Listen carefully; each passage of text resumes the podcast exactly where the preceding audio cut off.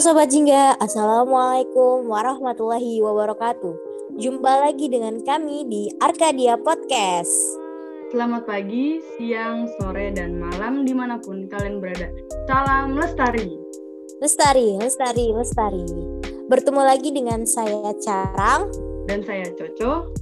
yang akan membantu teman-teman pendengar setia pada podcast terkait Hari Penyu Sedunia di Arkadia Arkadia Podcast. Podcast. Bicara tentang penyu, penyu ini salah satu spesies yang sudah hidup sejak jutaan tahun lalu dan mampu bertahan sampai saat ini. Selain itu, juga semua jenis penyu yang ada dilindungi oleh undang-undang nasional maupun internasional.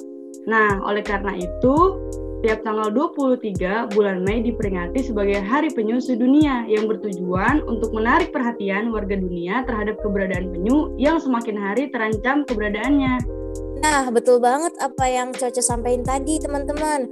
Penyu, khususnya di Indonesia, hampir tersebar di seluruh wilayah pesisir Indonesia. Penyu itu juga hewan yang unik loh, Sobat Jingga.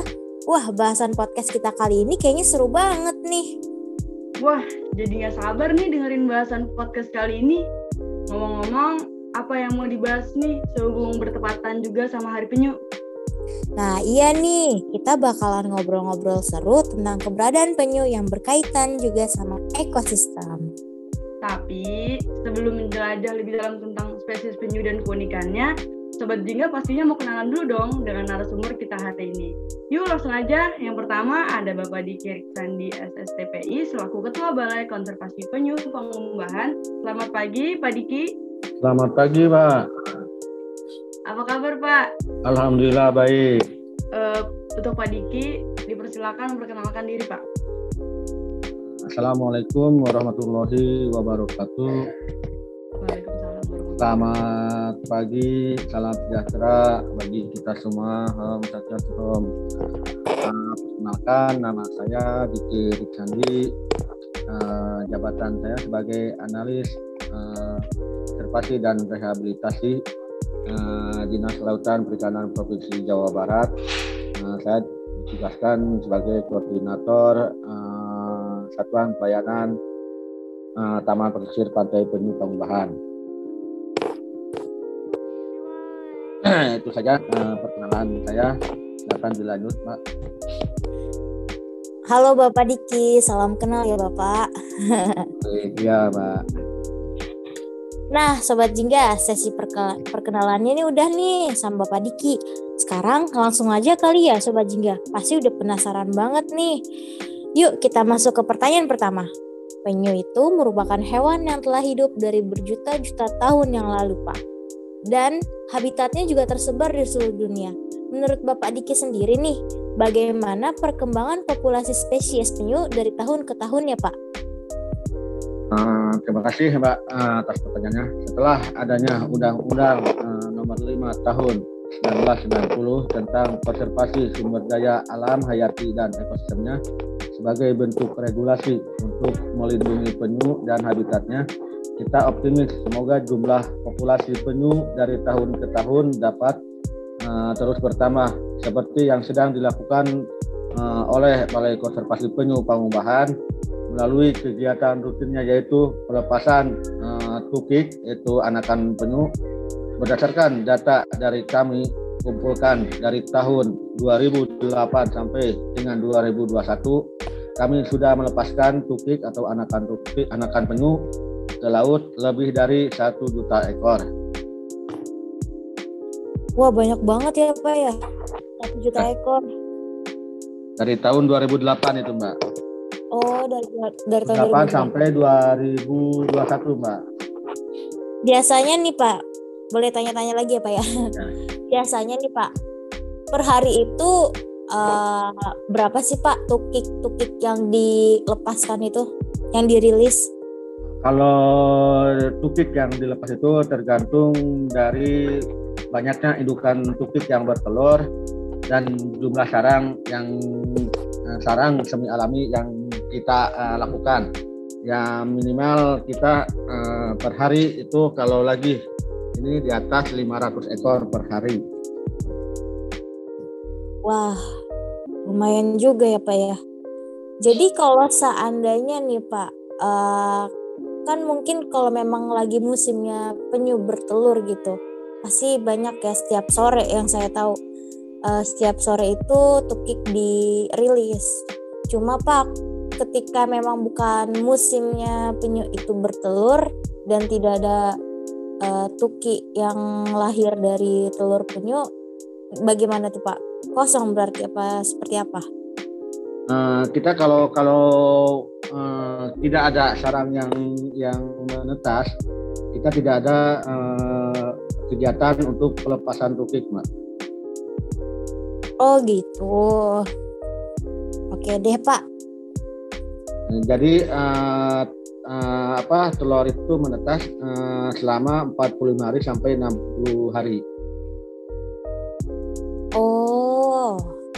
Berarti uh, saat ini bagaimana Pak? Tuki masih ada di situ ya Pak? Maksudnya Kalau, lagi uh, kemarin juga ada uh, yang mau melakukan uh, kegiatan menjelang Hari Penyu Sedunia yang dilakukan tanggal 21 itu ternyata gagal karena tidak adanya uh, telur yang menetas.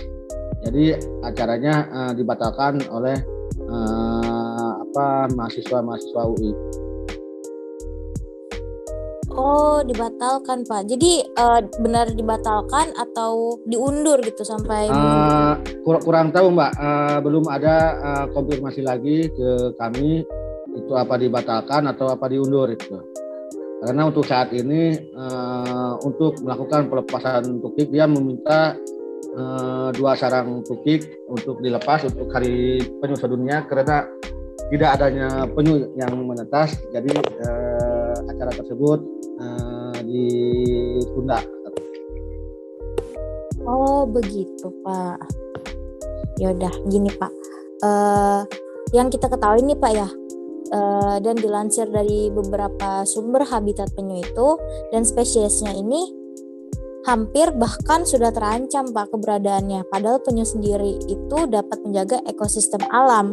Lalu mengapa hal itu bisa terjadi gitu Pak. Bagaimana Kak? Eh menurut Bapaknya ini? Uh, betul sekali. Uh, itu penahan saat ini banyak uh, faktor yang dapat mempengaruhi keberadaan penyu. Uh, di antaranya banyak yang disebabkan oleh manusia. Misalnya pemburuan penyu untuk diambil dagingnya ataupun diambil telurnya. Uh, untuk untuk uh, dikonsumsi dan diperjualbelikan juga uh, karapasnya pun juga uh, itu uh, sangat diburu oleh uh, para uh, apa uh, predator-predator tersebut. Itu oleh manusia. Uh, sisitnya juga untuk uh, bahan souvenir. Kemudian ancam uh, apa mencari makannya juga dan sempat perlindungan penyu atau tukik juga sudah banyak yang rusak. Ini semua akibat aktivitas manusia yang tidak bertanggung jawab. Lagi-lagi manusia lagi ya Pak. Lagi-lagi penyebabnya dari manusia. Oke Pak, uh, dilansir dari beberapa sumber Pak, penyu itu bisa menjaga ekosistem alam baik di laut maupun di darat dan banyak keunikan dari penyu itu sendiri. Nah, Gini Pak, peran penting apa saja sih yang dilakukan penyu untuk menjaga ekosistem dan apa yang akan terjadi apabila penyu itu benar-benar dinyatakan punah Pak? Nah, pada dasarnya semua organisme di alam itu memiliki peran dalam menjaga ekosistem termasuk penyu. Hal ini uh, berkaitan dengan rantai makanan. Adanya interaksi setiap uh, organisme terhadap lingkungan, misalnya di perairan laut uh, penyu hijau memiliki peran kunci terhadap distribusi lamun. Uh, penyu mem memanfaatkan lamun sebagai makanan. Lamun adalah salah satu ekosistem yang disukai oleh beberapa ikan ekonomis. Ekonomis penting perairan penyu adalah membantu mendistribusikan lamun dari sisa lamun dikonsumsinya yaitu pada saat meninggalkan padang lamun menuju tempat lain. Ini salah satu contoh. Eh, ada juga penyu eh, eh, sisik berperan dalam menjaga ekosistem terumbu karang. dan penyu belimbing berperan mengendalikan populasi ubur-ubur. Kemudian ketika penyu ini punah, secara umum ekosistem laut termasuk eh, ikan-ikan uh, dan sumber daya ikan lainnya juga akan terancam punah. Oke, berarti penyu sendiri tuh udah punya peran masing-masing ya Pak? Iya betul. Uh, dari ya betul. Dari spesies uh, dari uh, jenis penyu itu mempunyai peran masing-masing, Mbak. Wah, berarti penyu ini sangat-sangat bermanfaat ya Pak dan bakal kalau misalkan keberadaan ini punah benar-benar bakal mengganggu ekosistem di sana ya Pak? Betul, betul. Betul, Pak. Uh, ini kan sebagai salah satu hewan yang dilindungi, bahkan terdapat undang-undangnya tersendiri yang mengatur keberlangsungan spesiesnya nih Pak. Namun kenyataannya sekarang spesies penyu terancam oleh beberapa penyebab yang tadi Bapak udah sebutkan, seperti contohnya manusia. Nah, menurut Bapak apa sih yang masih kurang dalam menjaga habitat penyu sehingga penyu ini masih terancam Pak? Uh, itu tergantung kesadaran masyarakat uh, apa itu tergantung um, kesadaran masyarakat yang masih kurang yaitu dengan SDM-nya uh, masyarakat setempat sehingga uh, menimbulkan masyarakat uh, kegiatan sehari-harinya tergantung uh, istilahnya kalau di uh, sana di di sini disebut penggemar. Oke, jadi berarti dari manusianya dulu nih ya Pak, kalau misalkan kita udah bisa menciptakan kesadaran dari manusianya, nah habitatnya bisa terjaga gitu ya Pak? Betul.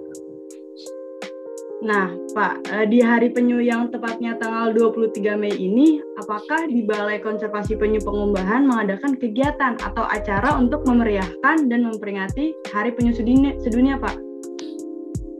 Se uh, seharusnya uh, ada karena uh, kita sebagai uh, turtle center ini apa penyu itu uh, balai konservasi itu itu uh, ujung tombaknya penilaian dari uh, Geopark Ciletuh Pelabuhan Ratu yaitu kuncinya ada di Balai Konservasi.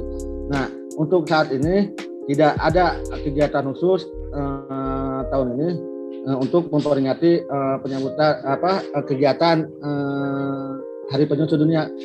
Uh, hanya ada kegiatan yaitu uh, kita mempersiapkan penyambutan uh, asesor UNESCO uh, Global Geopark yang rencananya dilaksanakan tanggal 27 Mei itu untuk menentukan layak tidaknya eh, Geopark Ciletuh Pelabuhan Ratu itu eh, apa istilahnya dijadikan eh, Geopark dunia lagi gitu. Itu kuncinya dari eh, kita sendiri yaitu konservasi penyu pengolahan. Oh begitu Pak. Jadi eh, sampai saat ini seperti apa uh, seperti apa Pak di sana tuh? Uh, kita udah sampai tahap persiapan, mulai dari uh, kesiapan tempat, kesiapan di lapangan, terus apa istilahnya uh, masyarakatnya juga dan apa uh, untuk uh, istilahnya uh, jalur yang ke Pengumbahan sudah kita persiapkan untuk menjelang asesor UNESCO untuk datang ke Pangumbahan. Wow, berarti emang sampai saat ini masih tahap persiapan ya Pak ya? Iya betul. Mau sedikit nanya lagi nih Pak, uh, di Balai Konservasi Penyu Pangumbahan itu apakah dibuka sebagai uh, wisata gitu Pak? Apa seperti apa? Uh, kita sebetulnya di balai konservasi penyu itu yaitu sistemnya yaitu uh, edukasi wisata uh, konservasi penyu. Jadi uh, masyarakat boleh berkunjung untuk uh, melihat uh, ekosistem uh, langka di dunia yaitu seperti penyu yang ada di konservasi penyu Pangumbahan, Kabumi. Oke, jadi uh, wisata bisa melihat penyu ya Pak ya? Bisa melihat penyu uh, dari mulai uh, penyu uh, induk sampai dia bisa melepas uh, apa itu tukik. Oh, berarti uh, wisatawan ini bisa melihat dari penyunya sampai ke pelepasan tukiknya bahkan bisa mengikut serta itu ya dalam pelepasan tukik itu ya Pak. Betul, eh, pelepasan tukik dilakukan pukul 17.30. Selalu Pak. Selalu itu. Kalau ada eh, apa istilahnya telur penyu yang menetas. Oh begitu. Kalau menetasnya nih Pak, menetasnya ternyata maghrib Pak, lewat dari jam tuh seperti apa Pak? Enggak, uh, soalnya kan uh, tit, uh, kalau misalkan uh, hari ini uh, atau kalau misalkan kemarin ada yang menetas, berarti besok sorenya kita lepas gitu. Jadi kalau ada yang menetas banyak, kita tidak semua dilepas gitu kan. Jadi kekuatan tukik itu yang penting tidak lebih dari tujuh hari ya, ada di darat. Oke Pak. Tapi untuk wisatawan sendiri itu ada batasan-batasannya nggak sih Pak? Kan karena lagi-lagi nih mengingat uh, ekosistem-ekosistem hewan ini sering terancam tuh karena ulah manusia ya Pak ya. Nah, apalagi kan ini uh, konservasi takutnya wisatawan itu yang datang uh, malah menggagalkan gitu loh Pak, malah merusak. Halo? Kalau di siang hari uh, tidak terlalu uh, rentan untuk uh, gangguan uh, apa ke habitat tersebut karena uh, indukan penyu itu bertelur di malam hari. Jadi untuk siang hari tidak ada batasan uh, untuk pengunjung kecuali kalau ada instruksi dari uh, pimpinan kami atau dari Satgas Covid itu mbak. Oh, oke, jadi aman ya pak ya? Kalau di siang hari aman untuk iya. pengunjung, ya. tapi kalau untuk malam hari itu dibatasi mbak. Oh, berarti untuk malam hari ya yang agak riskan gitu pak? ya? Ah, gitu. Uh, kenapa malam hari tiket masuknya begitu tinggi? Karena untuk mengurangi pengunjung membeludak. Iya betul banget. Memang harus di seperti itu kan ya Pak ya wisatawan. Betul. Oke Pak. Uh, gimana Coh? Ada tanggapan lagi nggak Coh? Udah sih Kak. Mantap banget. Si Coco kayaknya ini Pak. Adik saya ini sepertinya sangat ingin berkunjung ke Pangumbahan Pak. Silakan, silakan. Bisa diarahkan sama bapaknya. Nanti kalau mau ke sana, uh, teman-teman kayu bisa menghubungi Pak Diki ya Pak. Silahkan Mbak, silahkan. Ya. Tuh. Berarti nih Sobat Jingga bagus banget nih buat edukasi kalian juga perihal penyu. Boleh banget datang langsung ke Balai Konser Konservasi Penyu yang ada di Pangumbahan. Pangumbahan tuh di ini ya Pak, ujung genteng Pak. Ya, ya itu masuknya Kecamatan Ciracap, Desa Pangumbahan. Sukabumi. Ya, Kabupaten Sukabumi. Tuh, bagus banget tuh Sobat Jingga kalau mau lihat penyu langsung aja datang ke Pangumbahan ketemu langsung sama Bapak Diki biar kalian tahu nih bagaimana sih penyu itu biar nggak asal potret-potret aja tapi kalian tuh bisa mendapatkan ilmunya yang banyak banget begitu ya Pak Diki? Betul sekali Mbak. Nah wah nggak terasa nih Sobat Jingga. Kita udah di ujung acara. Ternyata yang tadi adalah pertanyaan terakhir Sobat Jingga. Sebenarnya kalau punya waktu yang lebih panjang lagi pasti bakal lebih banyak lagi pengetahuan kita tentang spesies penyu dan keunikannya.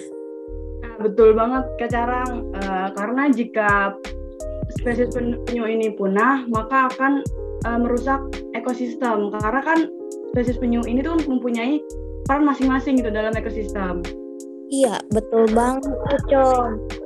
Nah, Jadi sebelumnya gini Mbak uh, di, di pengubahan itu uh, di, di antara uh, tujuh jenis penyu yang ada di dunia itu salah satunya uh, ada di uh, Pangumbahan. Oh tuh, sobat sih nggak bisa didengar sendiri ya. Terus gimana lagi Pak? Uh, di kita mayoritasnya itu penyu hijau. Kalau dulu itu ada uh, sempat uh, penyu lekang juga tuh kemarin uh, tahun kemarin ada dua penyu lekang yang mendarat dan bertelur. Alhamdulillah kita uh, udah sisakan untuk edukasi dan sisanya kita lepas ke laut untuk uh, uh, apa istilahnya perkembangbiakan selanjutnya. Oh, Keren banget Pak. Oh ya Pak, sedikit nanya lagi nih sebelum penutup ya. Ya, silakan Mas. kan saya sempat kemarin sempat eh, datang juga ke Pangumbahan ya bareng adik-adik saya gitu Ya. yang melakukan penelitian. Nah di situ saya tuh kayak sempat dikasih tahu gitu bahwa di sana tuh ada penyu yang survival Pak. Jadi dia tuh hidupnya sudah lama. Nah, Betul, itu- betul. Sampai sekarang kondisinya seperti apa ya Pak? Kalau saya boleh tahu. Yang saya- yang yang di karantina itu, Oh di karantina Pak. ya, yang di ruang karantina itu yang yang gede itu usianya udah mau hampir tujuh tahun. Paling tua kah di situ Pak? Ya, ya Iya. itu yang yang yang ada di yang ada di kolam itu yang paling tua itu sekitar tujuh tahun itu. Itu dari dari dari dari kecil itu kita pelihara untuk edukasi. Nah itu udah sampai tujuh tahun yang gede itu. Berarti ini ya Pak, tuan rumah sebenarnya dia itu Pak, suhunya. Eh, kita itu pakai langsung air laut eh, eh, sendiri, tidak pakai air air buatan. Keren banget sih Pak. Nanti saya jadi mau berkunjung sana lagi nih bareng Coco kayaknya Pak. Iya betul Silakan Pak. Penasaran kan Ini sama, aku aja sebenarnya. Apalagi udah diwadahi kan buat kita edukasi tentang Nah, uh, penyu gitu. Iya betul banget. Nanti kita ke sana ya Co. Ntar kamu yang bayarin aku Co. Aduh, berat ujungnya. Nanti kita ketemu sama Pak Diki bareng-bareng biar mengulik informasi lebih dalam lagi. Harus, harus. Nah, sebelumnya Pak, terima kasih banyak nih kepada Bapak Diki yang sudah berkenan meluangkan waktunya untuk eh, menjadi narasumber nih, mengisi podcast tentang pot- tentang penyu dan ekosistem yang juga untuk memperingati Hari Penyu Sedunia. Semoga semoga apa-apa yang disampaikan dapat bermanfaat bagi kita semua. Makasih banyak Pak. Iya, Dan terima kasih juga kepada sahabat Jingga di mana pun kalian berada yang udah setia nih mendengarkan sampai akhir. Oh iya, jangan lupa juga buat pantau dan ikutin terus sosial media kita di Instagram, TikTok, YouTube, Twitter, Facebook dengan username KPA Arkadia. Dan nantikan podcast kita selanjutnya yang pastinya nggak kalah seru. Nah, demikianlah podcast kita kali ini Sobat Jingga. Mohon maaf apabila terdapat sesuatu yang kurang berkenan di hati. Saya Carang, Dan saya Coco. kami sebagai host pamit undur diri. Dah semua, sampai jumpa kembali di Arkadia Podcast selanjutnya. Wassalamualaikum warahmatullahi wabarakatuh.